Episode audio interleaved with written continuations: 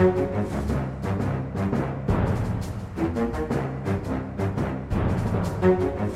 men Så utrolig hyggelig. Da er vi i gang med ukens eh, Aftenpodden. Vi sitter rundt på de ganske hjemmekontor eh, byen rundt og tenkte vi skulle snakke litt om det som har skjedd denne uka. Og det er vel egentlig også en ganske koronafri versjon denne uka her. Vi kan jo ta runden. Alle er med. God dag, god dag, Kjetil Alstheim. Åssen går det? Hallo, det går veldig bra. Jeg er ikke på hjemmekontoret. Jeg er på hyttekontoret i Vestfold, og det er fint. Oh, det er veldig bra. Er nå, nå, er vi jo en geografisk utvidelse av, av podkasten, og vi får utnytta potensialet i de nye digitale mulighetene. Vi er ute av Oslo-bobla. Ja. det føles veldig trygt og godt å vite at vi har en forankring i, eh, blant eh, folket. Det er, godt utafor. Uh, nei, men det er fint. Åssen er det med deg, Sara Sørheim? Du er trygt plassert i bobla, er du ikke det? Jeg har flytta inn i bobla for 40 år siden og, og blitt der. Men uh, det går bra med meg. Jeg er veldig veldig trøtt. Jeg har ikke sovet i natt for noe særlig, for jeg har røket på en sånn uh, Det her trodde jeg aldri skulle skje. Jeg har faktisk røket på en sånn derre kake, kakebaking til bursdagssmell. oh, men ikke kom her og si at du har begynt å lage sånne veldig, veldig fine kaker. Uh, jeg har begynt å prøve å lage veldig, veldig fine kaker. Jeg, jeg, har, jeg har en Jeg har en fireåring i dag, så jeg har lagd en en Super Mario-kake. Oi, oi, oi, oi, oi. Ja. Men det er mulig at det bare er jeg som, som, kommer til å forstå at det er en Super Mario-kake. Så dette er litt sårt og vanskelig. Eh, men mest av alt så angrer jeg på at jeg brukte hele natta på det istedenfor å f.eks. sove. Men jeg skal, gjøre det, jeg skal gjøre det beste jeg kan. Eh, både med å kvitte meg med denne helt tydelige identitetskrisen som har kommet over meg. At jeg har begynt å bake kaker. Og jeg skal prøve å også skjerpe meg selv om jeg er trøtt. Så vi, vi kjører på. Ja. Og du Trine, du har litt tid før du skal i gang med et var det fem, fem timer, timer langt, videomøte. Som jeg ja. sier, det er veldig livgivende. det jeg skal tenke på da, det jeg skal tenke på når jeg sitter i det fem timer lange videomøtet, så skal jeg tenke på Sara som nå har lagt listen for bursdagskaker så høyt at de neste fem bursdagene blir et mareritt, Sara. Det er akkurat som en julekalender. Du må bare legge listen så lavt som mulig. Ja. Eh, det her kunne du sagt eh, Du kunne sagt dette litt før, Trine. Men, men takk for et godt råd på veien. Ja. Vi, får, eh, vi, skal vel gå litt inn i det politiske Norge, som på en måte nærmer seg en form for normal i, i flere skritt. Men som jeg kanskje ville beskrive det er litt som nå, Det er kanskje et bilde som er, er, nært, eller det lever i min drømmeverden, men det er som en sånn småbarnsforelder som er ute på byen igjen og ikke helt vet hvor mye som skal til. Uh, begynner å drikke, og så bare oi, går det litt over styr. For det er, er veldig mange sånne hva skal jeg, uh, litt sånn her udimensjonerte politiske utspill og debatter denne uka her, som, eh, som tyder på en sånn eh, litt sånn hiss, hissig på grøten, en del av den gjengen som har vært ute og, og dansa på det demokratiske dansegulvet. Ja, det minner egentlig om en sånn eh, klassisk sommerferieuke, hvor, hvor det er stille, og, og enkelte får beskjed av rådgiveren sin om at nå har du muligheten til å komme med et utspill og få litt dekning. Og i ettertid så viser det seg at det var kanskje grunn til at det var stille. Det var liksom ikke det aller viktigste. Sånn, det. sånn har vi noen eksempler på denne uka her. Sånn i ettertid, kanskje du bare skulle holdt kjeft, men kjør på.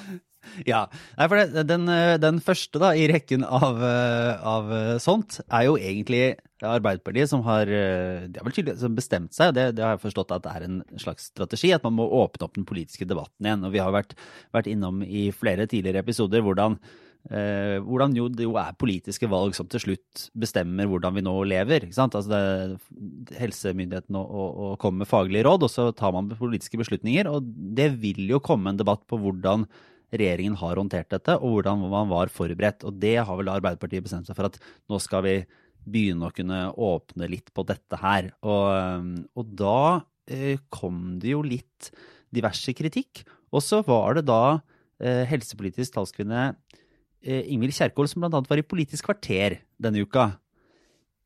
Og jeg skal si, av og til så har du sånne knallharde oppgjør, og av, og til så har du ting som er solgt inn som knallharde oppgjør, og som ender opp i noe litt annet. Hvordan skal vi beskrive det som uh, dette, dette, dette, oppgjøret hennes, egentlig?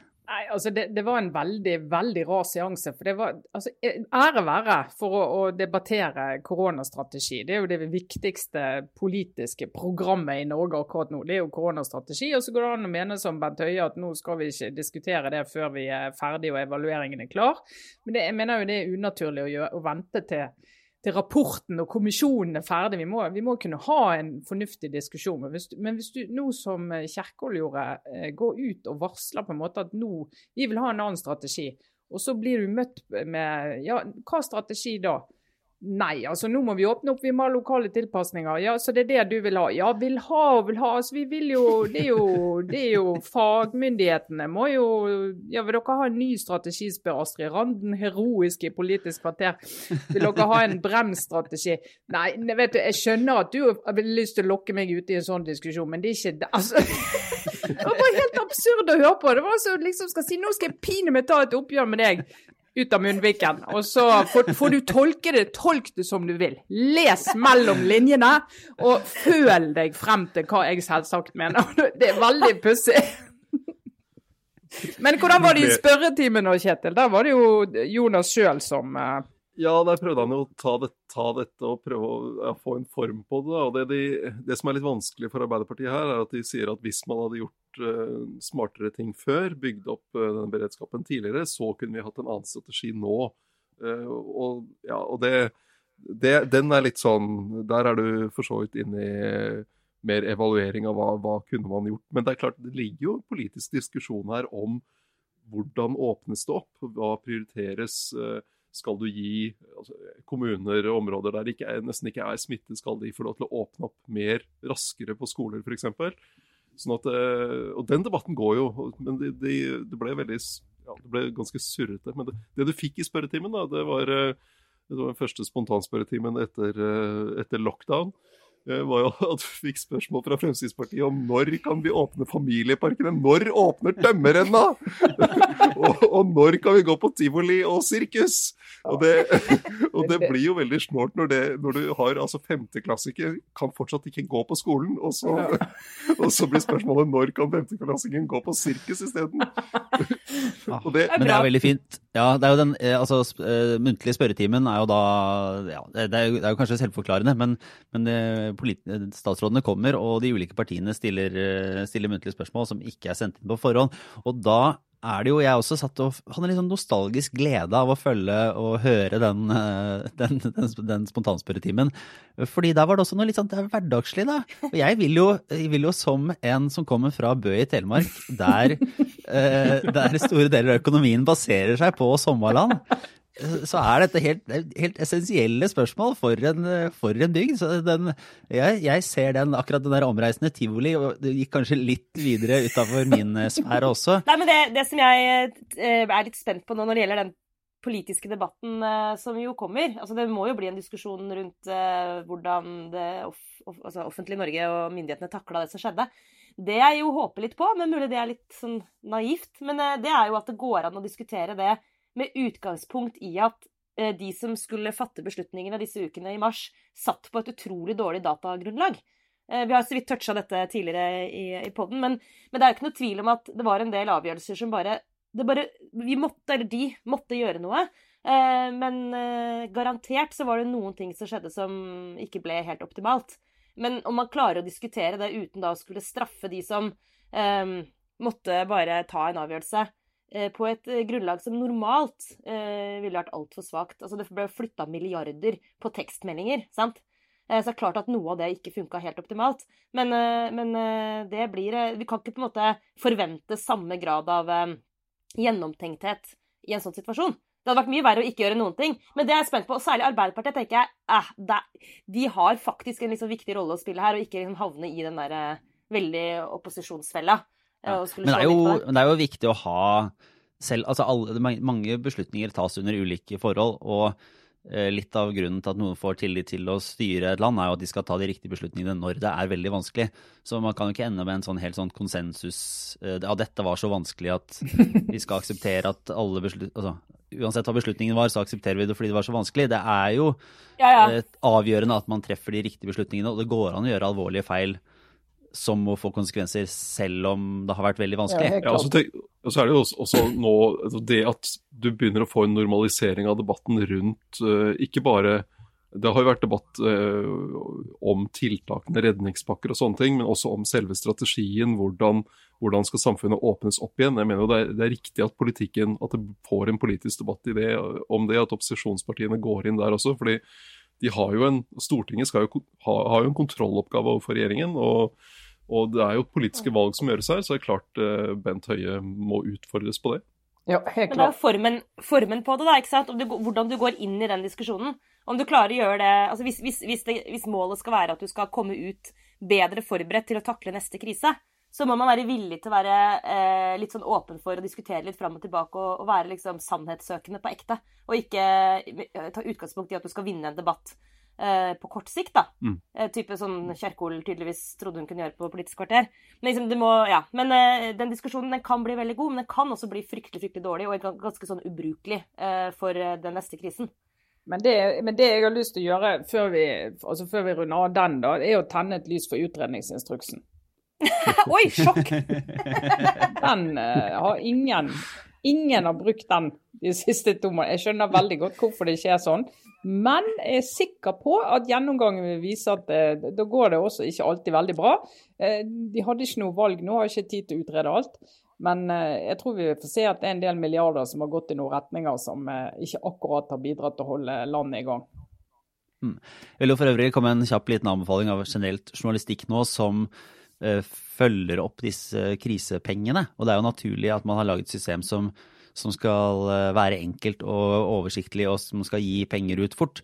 Men eh, det er litt uh, er interessant å, å lese nå saker som viser at uh, at bedrifter som kanskje ikke hadde noe særlig drift, eller hadde en mer eller mindre lagt ned av andre årsaker i forkant, eller uh, skulle pusse opp eller skulle være stengt den perioden, søker og får penger. At, at, eh, apropos kontrollfunksjoner, så, mm. så er det en ganske viktig oppdrag fra, fra journalistikken og næringslivsjournalistikken å gå inn og se hva disse pengene går til. Og det er ikke nødvendigvis politikerne som har gjort noe galt i at pengene kan gå til eh, mange typer bedrifter, men i etterkant så skal det jo være en, en dokumentasjon og en gjennomgang av hva det her har vært, da, som, det, som har vært et par eh, ordentlig gode saker allerede, som er bra på det. Men eh, vi må nesten fortsette inn i andre hva skal man si, høyt på banen-ordninger denne uka, og der syns jeg jo det har gått kanskje litt under radaren, men Frp, i hvert fall deler av Fremskrittspartiet, har startet en slags eh, pins-aksjon. Altså sånn uh, pins, i sånne små nåler som du har på, på jakkeslaget. Uh, det er flere, og du kan si det er noen av de eh, de gamle, gode, eh, vante eh, krigerne med Per-Willy Amundsen og blant annet i spissen, som, som har reagert veldig på hvordan regjeringen og eh, også kronprinsparet, tror jeg, går med en sånn pinn som, eh, som eh, skal symbolisere de FNs bærekraftmål. Ja, altså Altså det, om det er jo det symbolet, Lars, som eh, jeg må innrømme Det er jo veldig mange symboler som ligner litt mye på hverandre. Sameflagget, prideflagget og dette, mm, dette bærekraftsgreiene. Ja. Eh, men alle, alle, i hvert fall de to siste, er sånne ehm, Det er på en måte det minst provoserende du kan ha på deg om du skal flagge at du har meninger, men ikke noen som helst spesiell retning. Altså hvis du er f.eks. konge, da. Eller Så det er liksom Altså, av alle ting som fins, eh, egentlig, av liksom visuelt uttrykk, så er den der bærekraftspinnen det er det minst eh, provoserende. Det, liksom, det betyr bare sånn Jeg håper verden blir et bedre sted, jeg. ja, ja, det er, det er sånn Ja, det du sier, ønsker meg fred på jord. Ja, og hvis du skal ta det som sånn Dette skal jeg slåss mot, tenker jeg. Da har du mye overskudd. Hvis det er der Jeg tar den, ja. Men um, alle får velge sine kanter. luk, lukta en sånn identitetspolitisk debatt. Da, så da er det jo da er det muligheten, så Nå er det norske flagg som gjelder, da, i, i hvert fall deler av Fremskrittspartiet. Så er det på en måte for å vise at vi skal ikke vi skal, var det Noen skrev jeg skal aldri bli sett med en uh, FN, eller skal aldri gå med en FN-pins, for det er de norske velgerne jeg representerer, og det må vi ikke glemme, og den biten der. Så jeg har ikke sett at det har tatt helt, helt fyr ennå, men det er jo ja, det er jo interessant å se at dette er det også det man legger litt krefter i, da, særlig på sosiale medier, mens eh, koronakrisen eh, rår og alt mulig rart. Har fått sånn behov for bare vi må få dette med. Som for øvrig er et, et lite, eh, ikke nødvendigvis så interessant poeng, er jo at Bård Hoksrud godeste Bård Hoksrud, representant fra Telemark, var jo på dette um, hva heter det, I lomma på Silje, er det det heter? Det der eh, Silje Sand Sandmæl, hun forbrukerøkonomen til DNB som har blitt litt sånn TV-stjerne. Jeg tror du ser mer på TV enn oss andre, Lars, i din nye tilværelse. Ja, det, det, her var, det, her var en, det her var en del av et eh, Jeg tror det var et portrettintervju i, eh, i Aftenposten eh, før jul, eller i januar i hvert fall. Men poenget var der eh, Bård Hoksrud var med. Og han har jo han har en av Norges største pinssamlinger. Og det kom fram, da man gikk gjennom hans økonomi, at det gikk typ liksom, 100 liksom 200 000 eller et eller annet sånt i året til pins. Ja. Så jeg ville tro og håpe at hvis, hvis hvilken pins Han bruker nok sjelden alle de på klærne. Hvis han ikke går rundt som han derre OL-fyren fra 94, som var sånn, eh, som en sånn fugleskremsel. En sånn tung, tung mann med pins over hele kroppen.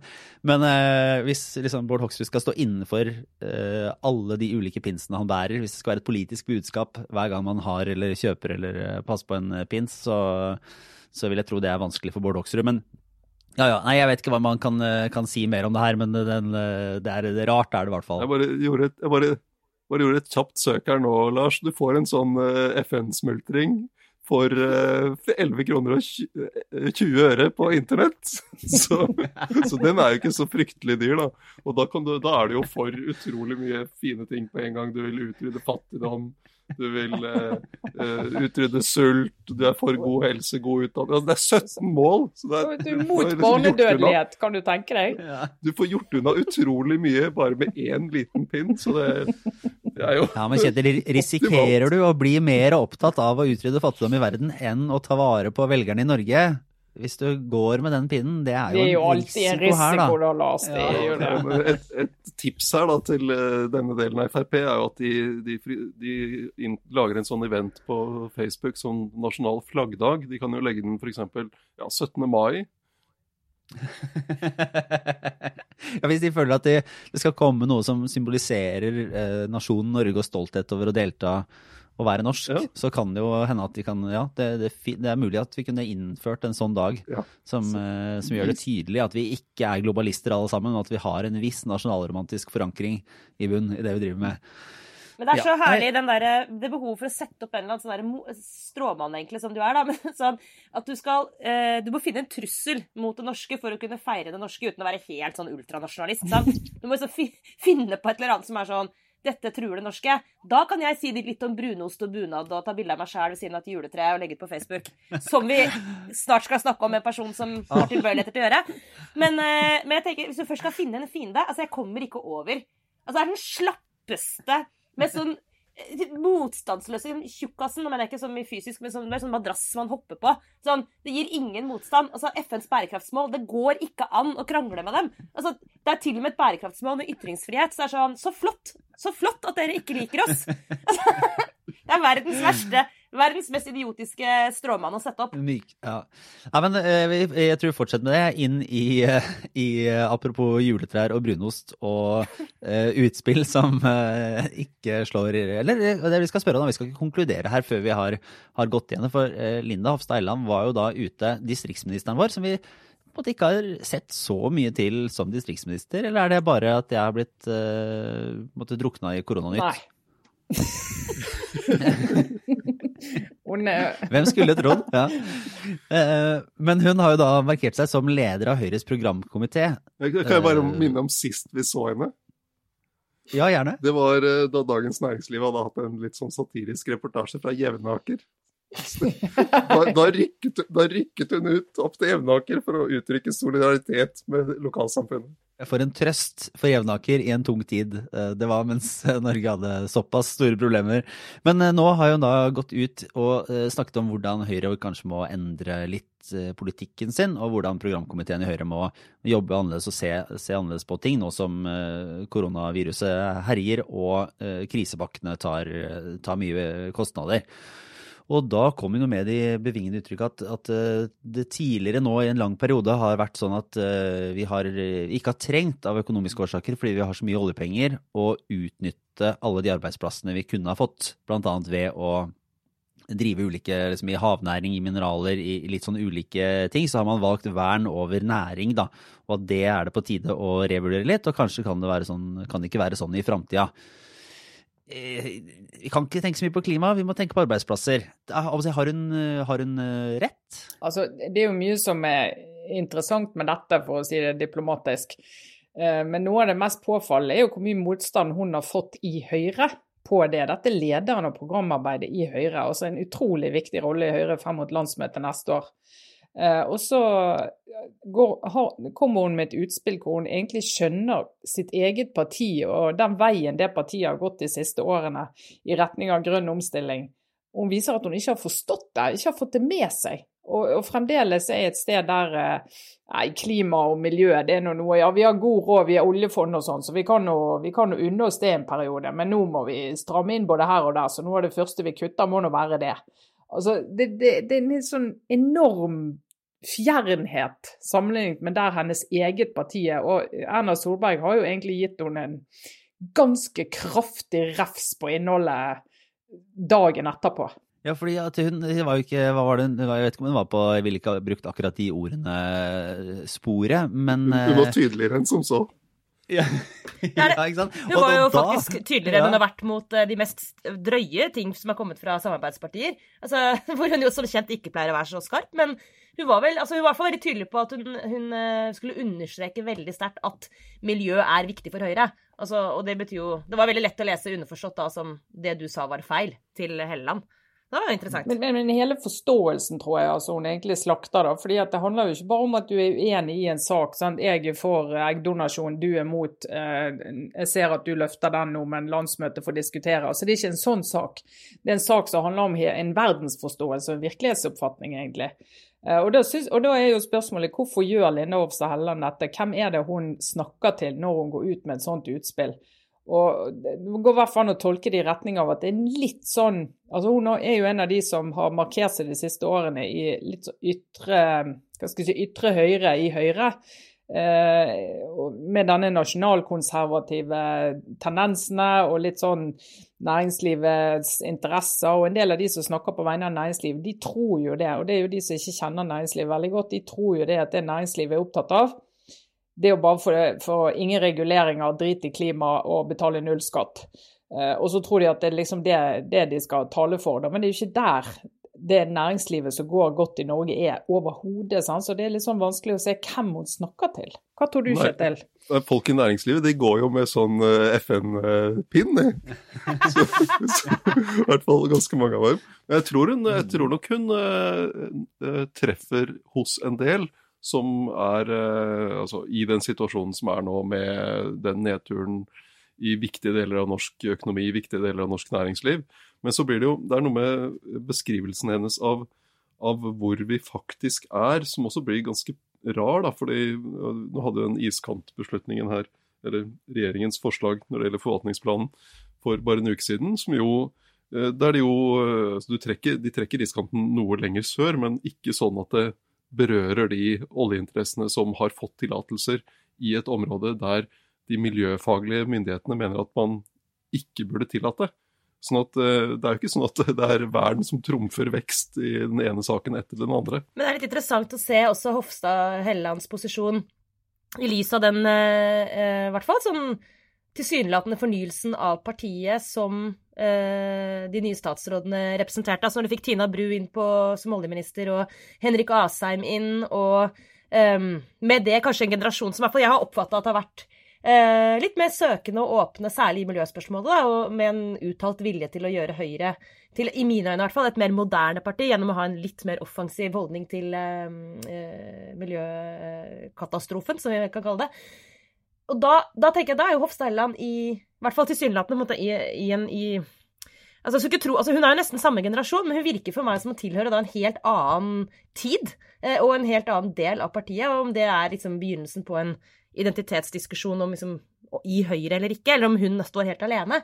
Det er jeg liksom usikker på. Jeg vet ikke om dere har noe, altså er, Representerer hun egentlig eh, majoriteten i partiet? Eh, Jeg tror, jeg tror hun, eh, altså hun setter jo opp en motsetning her som andre i partiet har prøvd å si at eh, det er ikke en motsetning. Vi skal få til begge deler samtidig. Vi skal få til å ta vare på naturverdier og få til å redde klimaet samtidig som vi har økonomisk utvikling og vekst og, og får mer velstand. Så det, det er nok det som er hovedproblemet hennes her. da.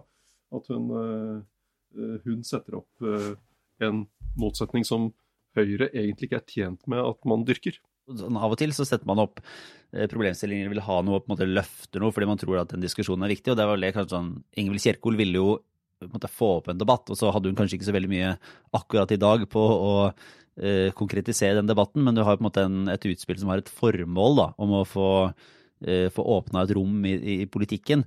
Eh, tror du at det her var tror noen av dere at det her var et bevisst utspill sånn sett fra Helland, eller var det mer en eh, arbeidsulykke? At man ender opp med å si noe som ja, som en, eh, blir upresist, eller som ikke var en, en, sånn et, et politisk valg, men en, Det, det var et bevisst. resonnement som forsvant. Liksom. Altså, det var bevisst. ja, det var Mm. bevisst. Altså det Hun visste og hadde en god gjennomgang av det hun sa før det ble publisert og alt sammen, så det var ikke Mm. noe sånn arbeidsuhell. Eh, Men så tror jeg hun ble overrasket over de sterke reaksjonene, så hun hadde jo en sånn oppklarende runde på Facebook som ikke var så veldig oppklarende, riktignok, men eh, eh, hun prøvde å forklare hva hun egentlig mener, da. Eh, og da har, det er jo et symptom på at da har du fått reaksjoner fra en del du ikke hadde ventet å få harde reaksjoner fra. Jeg tror, jeg tror, jeg, jeg tror det, det hun prøvde å gjøre, var jo bare å si at Eller hun, ville få fram hvor viktig det nå er å få altså, legge vekt på næringsutvikling, arbeidsplasser osv. Og, og så hva skal vi si eh, eh, Man kunne kanskje sagt om andre politikere at de tok litt mye Møllers tran, mens når det gjelder brunostdronningen Helleland, så tok hun litt mye G35. Og så er det jo litt typisk, det er jo sånne saker som slår litt, eh, er jo når eh, politikere fra et parti sier noe som på en måte spiller opp under det som er mistenkt. Ja, og det de, dette er det de syn, egentlig Altså. mener, og nå, nå Ja. får du Ja. Katta Sånn ut av Høyre. sekken. sant? Ja. Ja. Så det blir, og det er jo for de som da er genuint opptatt av eh, bærekraft i Høyre, så er det jo bare sånn åh, rykk tilbake til start. Mm. Men eh, jeg tror vi, skal, vi fortsetter til en uh, sak som uh, jo har skapt mye mer uh, positiv oppmerksomhet for, for Høyre, men kanskje var litt sånn overraskende likevel. Det var jo dette, denne talen fra Bent Høie, som vi jo har omtalt som en eh, ganske sånn eh, trygg, litt eh, treg kanskje, retoriker i disse koronatider, som slo seg løs med en veldig sånn poetisk tale til ungdommen. Og en hyllest og følelsesladet liksom, forståelsestekst, som også ble lagt ut på Facebook og delt i, i det ganske land. Ja, og han ikke, ikke minst, Lars, delt bare i sin helhet av Aftenposten. Og nå, siden Ja. jeg nå har, har rollen her som sånn eh, den, den nøytrale Aftenposten-leser, så vil jeg si det var jo rett og slett relativt uh, motstandsløs måte å bare referere politikere på. Ja, vi, la, vi, i hvert fall Ja, vi la ut hele tall. Jeg tror det, jeg tipper dette er årets mest leste tekst. Jeg. såpass. Ja, Ja, for, men, helt, altså, ekstremt, jo helt ekstremt. Ja, det er interessant. Men uh, først så tenkte jeg, vi legger jo ikke ut bare liksom, en hel tale fra en politiker. Det gjør Det vi jo- av og til. Av og til gjør vi jo det. Ja, fordi når jeg begynte å lese den, så skjønte jeg at det var en grunn til det. da, For jeg ble jo selvfølgelig sittende og grine som alle andre og, ble veldig rørt. Men, eh, men det var jo Jeg var helt uforberedt, Trine. Jeg så jeg så først bare sånn Her er en hel tale fra Bent Høie. Altså, jeg må jo si at jeg stilte et, Jeg tenkte litt sånn What Aftenposten? Altså, hva med bare i hvert fall kutte litt, eller i hvert fall stille ett spørsmål, liksom? Altså, Midt i, liksom. Vi publiserer, vi publiserer jo innlegg og kronikker i et bankende kjør, da. Dette var jo relativt kort sammenlignet med mye annet. Ja, det har du rett i. Jeg bare, jeg bare var ikke mentalt forberedt på at det, skulle, at det var Bent Høie som skulle si dette. Men uh, all ære. All ære. Og, og eh, jeg, jeg, jeg, jeg støtter jeg, jeg forstår vurderingen i etterkant. Det hjalp jo eh, at han publiserte det bildet av seg selv som russ i tillegg. Ja, det hjalp jo veldig. Det hjalp veldig. Jeg, jeg, jeg ble sittende og liksom, vurdere sånn, Er det manipulert? Er det liksom kledd seg ut som russ? For han så jo mer eller mindre eldre ut da enn han gjør nå. Det var litt sånn Men merkelig det er jo mange av oss som gjør det. Nei, men altså, hva, hva, var det han, eh, hva var det han traff, da? Hvis vi skal prøve å analysere Jeg, jeg tror han traff eh, mange av flere grunner. En var jo at han traff jo målgruppen, åpenbart. Eh, De unge nå som eh, det, det er faktisk stor sympati med, som bare ikke har et liv som unge skal ha. Altså, De skal møtes hele tiden i store grupper, og de skal kline og sitte tett og klemme og gjøre dumme ting i fylla og sånn. Det får de ikke gjort. Eh, og det er jo bare trist. Og så er det jo eh, alle de som har vært litt sånn irritert på disse her eh, som skriver innlegg om russebiler og denne russetiden som forsvinner og og der, Det kan jeg òg kjenne meg igjen i. Så plutselig får sånn Å, selvfølgelig, det var jo sånn det var. For det, er liksom noen ord som gjør at du kan sette det inn i hodet til disse. da. Sånn at både de som er målgruppen, og de som egentlig ikke har hatt forståelse for det, leser plutselig saken, situasjonen på en annen måte. Var litt overraskende å se en norsk politiker bruke så liksom, store Jeg vet ikke om jeg skal si store ord, for det var jo ikke Det var jo på en måte egentlig ganske konkret. Men å ha såpass mye patos og gønne så mye på Jeg, fikk, jeg må innrømme at det her er kanskje litt sånn som en absolutt ikke skal si i Aftenposten, men eh, jeg fikk det litt Når jeg leste det, så fikk jeg litt sånn som når jeg leser av de eh, beste og noen sånne innlegg fra Side, som er de ungdomsdebattsidene, der du bare tenker sånn er dette ordene dine, Uh, gutt 16? Du høres ut som en uh, mann uh, Det høres ut som mora di. Og, og det, det var sånn Bent Høie, er dette deg? Er det, tro, skrev han det selv, vet vi om han gjorde det? Eller var det en sånn, eh, noen som satt og tenkte på rådgiverkontoret at her må, vi, her må vi dra på litt følelser og litt ungdom, og så har de snekra det Altså, sammen det går eh, rykter om en navngitt taleskriver, og det navnet er ikke Bent Høie. altså. Og om det nå skulle være han, så må jo han ha hatt en epiphany, som det heter på engelsk. For han har jo aldri ordlagt seg på en måte som får hjertet til å banke veldig sånn fort. Men, det, men, eh, men ideen kan jo ha kommet Altså det at Bent Høie har sittet da, i møte med kommunikasjonsfolka sine og taleskriveren og sagt hva, hva med ungdommen, skal vi si noe russ og sånn? Kan vi skrive Så han kan jo ha gitt oppdraget, da, i det minste. Ja, absolutt. Og han har jo hatt en liten tradisjon nå de siste ukene med å takke forskjellige grupper. Ikke oss ennå, det vil jeg bare understreke. Vi endte på den, den røde, gripende talen om journalister som nå må sitte på hjemmekontor. Så at vi kan svare takk for tilliten etterpå. Ja. Ja. Men eh, bare for å gå til kjernen av denne saken, da, så må jeg bare si at hvis jeg hadde vært eh, 19 år, eh, hvis dette hadde vært i 1988, eh, våren 1988, og med min eh, forventning til russetiden, så jeg vil si alle forventningene ble overgått. Det var en fantastisk vår. Og hvis noen hadde kommet til meg da i midten av april og sagt det blir ingenting, jeg hadde vært, jeg hadde vært helt knust. Jeg husker det russetiden, jeg syntes det var så fantastisk. Jeg bare eh, embraced it, eide det. Gjorde alt, var med på alt. Og når det, det, når det var ferdig, da, så tenkte jeg at uh, russebil og alt, Kongeparken, The Works Og når jeg var ferdig, så tenkte jeg Kommer jeg noen gang til å oppleve lykke på dette nivået igjen? Sannsynligvis ikke. Men da visste jeg jo ikke at jeg skulle på universitetet og bo hjemmefra og bo i kollektiv og sånn. Det visste jeg jo ikke da. Men der og da var episk. Og hvis det hadde blitt avlyst Nei, vet du.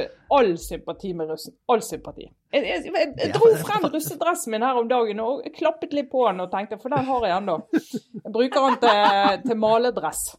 Og tenkte at uh, det her, uh, dette er et godt minne. Jeg syns det er veldig, veldig fint hvis, hvis, hvis liksom de som har lytta til, eh, til Aftenpodden, eller, eller bare kanskje ikke har lytta så, så mye, skulle ha spådd de ulike tilnærmingene til russetida blant eh, oss, så er jeg ikke sikker om de hadde truffet på den. Altså. Og da, eh, Hvordan var du som russ, Sara? Nei, jeg var i opposisjon.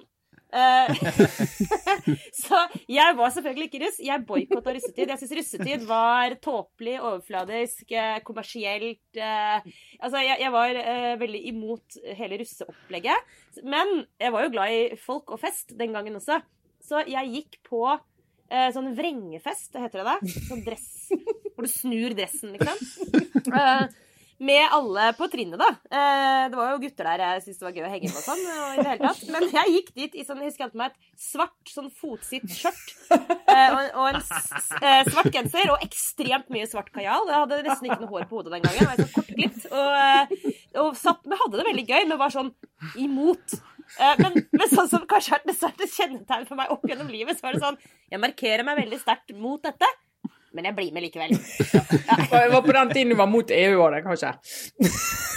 Eh, ja, Trine. Takk for at du trakk inn det. Mot alt som var gøy. Ja.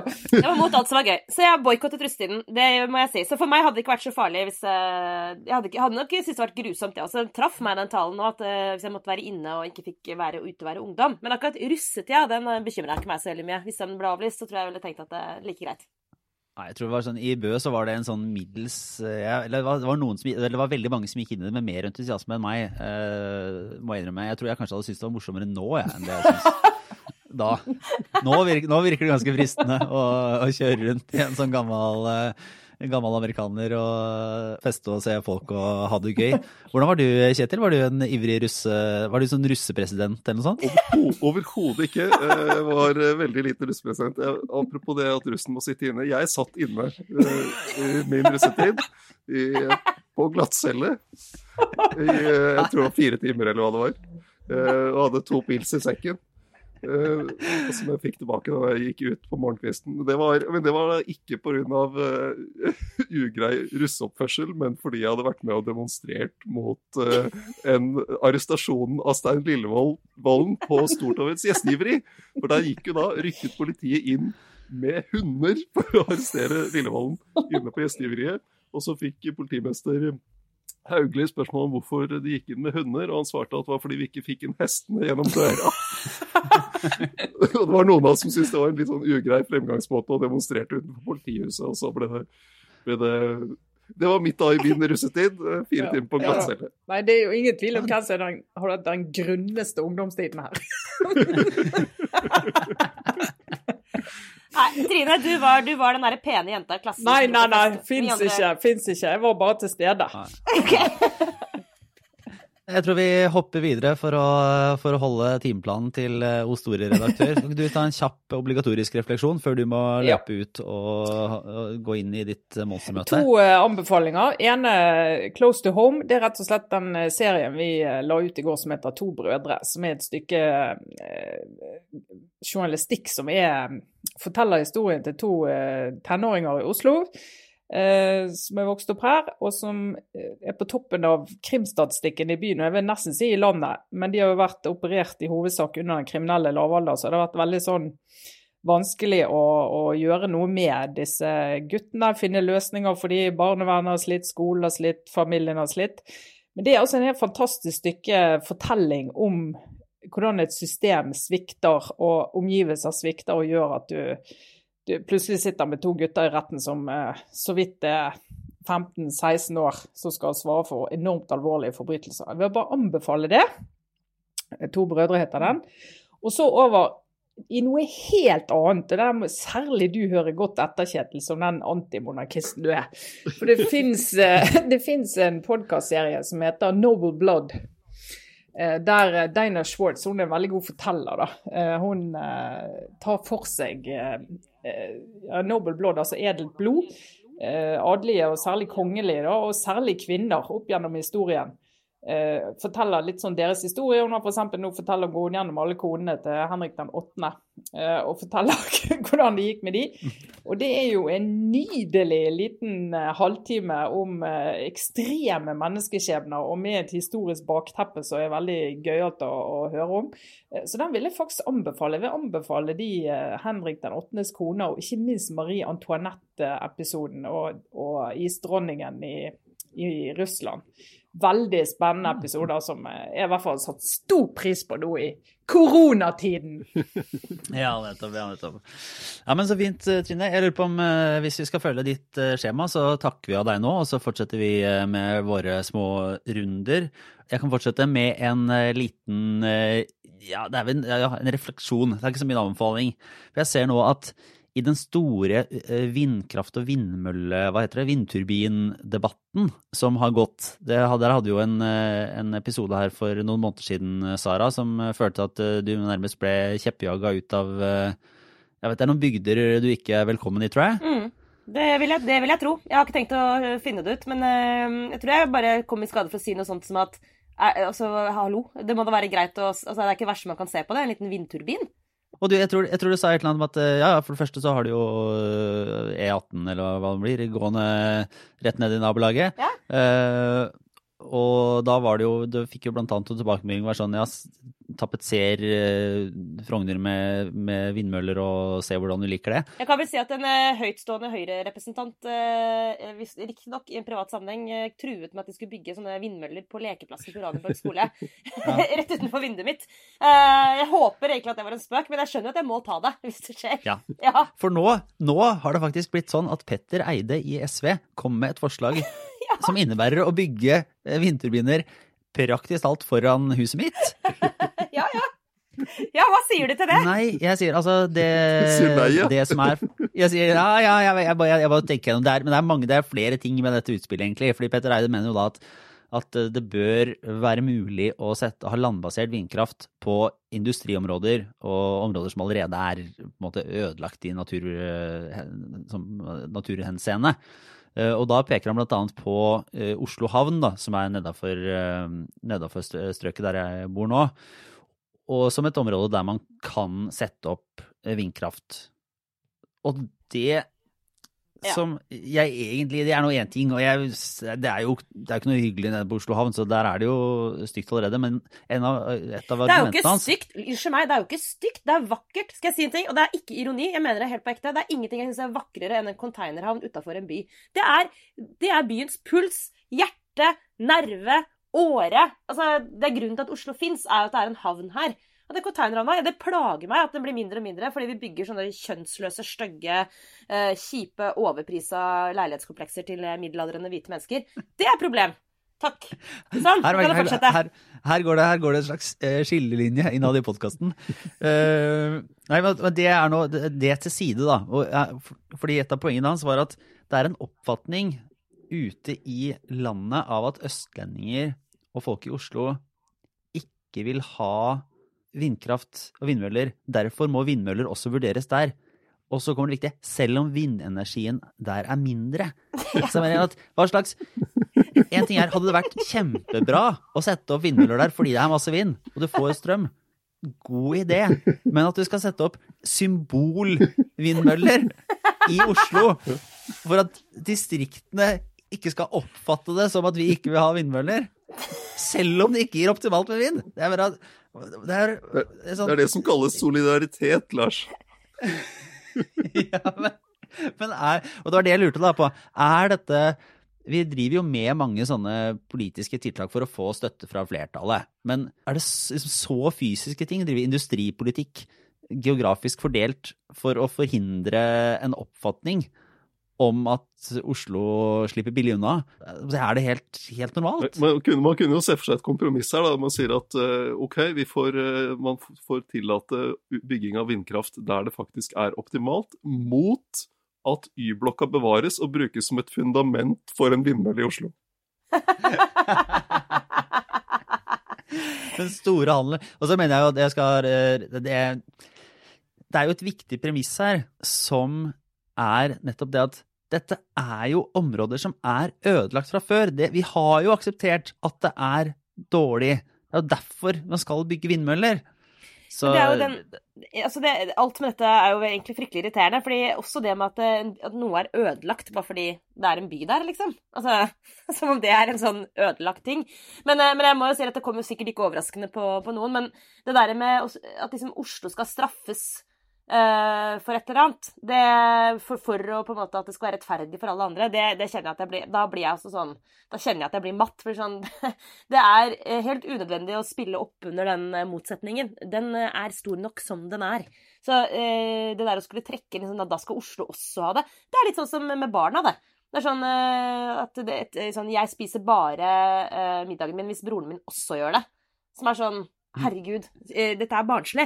Så jeg, jeg bare tenker at Petter Eide sitt utspill var ren populisme og ikke alvorlig ment. Og at det, bare, det der må vi bare håpe at forsvinner. Ja, eller i hvert fall, Om det så blir eh, vindmøller som eh, ikke vil gjøre meg sånn kjempemasse, så er argumentasjonen kan ikke være at vi skal gjøre det for å forhindre et inntrykk uh, ute i landet av at vi har det så bra, når vi faktisk har Ja, du er jo fornøyd da med containerhavna, men eh, jeg vil heller ha badeplass. Eh, men ja ja, det var en liten, liten kjepphest eh, der. Åssen ser det ut for deg denne uka, Kjetil? Nei, jeg bare eh, Ja, egentlig ganske kort liten anbefaling. Eh, Det er jo sikkert mange som hører, følger The Daily fra New York Times eh, uansett, men de, jeg syns de, de prøver å legge inn litt sånn eh, Hva skal vi si eh, Gi folk et pusterom i helgene med litt annet innhold. Og på søndag så la de ut en eh, en, der jeg leser en artikkel som har stått i New York Times som heter 'Closing the restaurant that was my life for 20 years'. Eh, Det er en, eh, en dame som eh, har drevet restaurant da i eh, East Village, så vidt jeg husker, i New York, på Manhattan. eh, Forteller om hvordan det var å, å måtte stenge ned da New York gikk i, i lockdown. Og som er eh, veldig fin tekst og, eh, om New York og utviklingen i New York, men også som gir et innblikk i hvordan det er når du er næringsdrivende og har bygd opp en bedrift, og plutselig bare må stanse og sende alle de ansatte hjem, som jeg tror mange, mange bedriftseiere små og bedrifts, i små og mellomstore bedrifter vil kjenne seg veldig godt igjen i, også her til lands. Så den er, den er verdt å høre på. Ja, men det skal jeg få med meg. Er det sånn at altså, stenges den ned for godt, eller er det stengt ned i sånn korona... Nei, det er sånn korona- koronalockdown. Så gir jo, Ja. Men det gir jo en usikker framtid for, eh, for mange bedrifter. og Hva, hva er der når de Altså, overlever de eh, og kommer de ut igjen på den andre siden? Hvordan er det med deg, Sara? Har du, er det bare kake i, som står, eller er du Altså, dette Opptatt er jo av noe? Nei, dette Jeg skal ikke dra dette i detaljer, men jeg kan bare konstatere at dette er jo en eh, Altså, 17. mai kom jo tidlig for enkelte av oss i, i år. Med eh, det som viser seg å være også eh, min eh, tid som redaktør i NTB sin første utsendelse av en såkalt IL-melding. Altså NTB IL. Det har skjedd. Og det, jeg tror dere vet hva jeg snakker om nå, det var jo arrestasjonen av sjølvaste eh, Hagen. Hagen-saken. Eh, men der, den er så kompleks og stor at jeg skal bare nøye meg med å si at det var kanskje ikke en så overraskende utvikling i saken. Vi så vel at det kom. Eh, Men eh, denne historien er altså så langt ifra over. Og det, hva som nå blir For det første får vi se om, det, om den siktelsen eh, blir stående. Om, eh, om Altså, forsvareren til Tom Hagen hevder jo at, at politiet har et veldig tynt grunnlag for denne pågripelsen.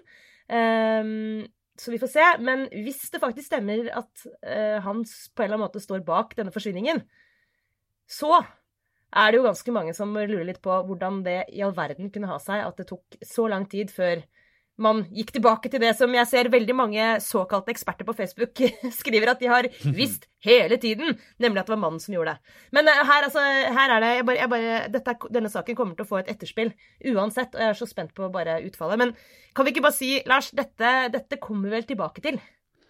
Jo, det tror jeg, for det er jo, det er jo, en, det er en del også litt sånn eh, mediehåndteringsmessige spørsmål der som er, er interessante å diskutere.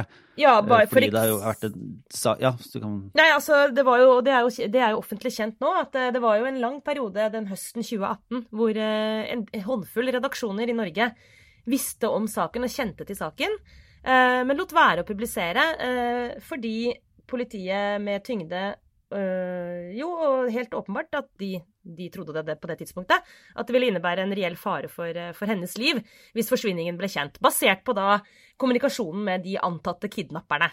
Eh, Og det er jo en utrolig sjelden situasjon. Der, det, det skjer nesten aldri eh, at medier bevisst tilbakeholder informasjon. Men, men, men akkurat når det uh, står om liv, så, så, så er man i en situasjon hvor det kan være riktig å gjøre det. Og alle redaktørene som var inne i de vurderingene i de ulike redaksjonene, de landet på samme konklusjon høsten 2018. mm. Men det er klart at den ser jo litt annerledes ut nå, den avgjørelsen. Den stiller seg plutselig et annet lys når eh, Eller hvis, jeg må understreke hvis, hvis det viser seg at det aldri var noe kidnapping. Og at hele det, hele det, det trusselbildet var eh, fingert. Det, det, er, det er jo også problemet med det med at vi i mediene ventet, var jo at da, da gikk du glipp av muligheten til å få inn ferske tips når folk husket ting de hadde sett og sånt. Så det, er, det kommer til å bli en, en sak. Men er, vi er egentlig litt sånn tilbake til der vi begynte med politikken og koronarundene. Altså hva Man prøvde å ta noen beslutninger både i politiet og i mediene ut fra det man visste der og da. Og så kan det tenkes at man gjør feil, men kunne man gjort det? Man, var det noe i det man visste som, som gjorde at man burde ta, vurdert det på en annen måte? Mm. Ja, det er helt, he- helt enig. Det er faktisk godt oppsummert, eh, Kjetil. Det skal du ha. Jo, takk skal du ha. Jøss, så bra. Jeg er jo fortsatt inne på lære her, så på, på prøve. Ja. Eh, nei, men jeg tror vi runder av eh, med det. Og så er vi tilbake neste uke. Det er ikke noen sånne hellige dager som, som eh, forhindrer oss da. Vi tar, altså, liker, vi tar det fortsatt litt sånn uke for uke. Eh, koronaen og, og mai kommer og treffer oss, og så ser vi hva som skjer. Men eh, regn det som et utgangspunkt at det kommer en fersk podkast om USA med meg og Øystein Langberg på tirsdag, og om Norge og det som måtte foregå i politikken med den gjengen her på torsdag. Så da ruller vi videre. I dag for øvrig sender jeg ut et nytt ukentlig nyhetsbrev som eh, inkluderer eh, lenker og tips og det vi har eh, skrevet, eh, skrevet med og snakket om. Og så er det også da en ukentlig politisk quiz som gjør at man kan få tida til å gå litt når man sitter inne og venter på ting i helgen, og at man skal få lov til å være russ og herje rundt igjen. Supert. Eh, tusen takk, folkens. Ha en fortsatt god dag. Det var oss, Aftenpodden. Ha det bra.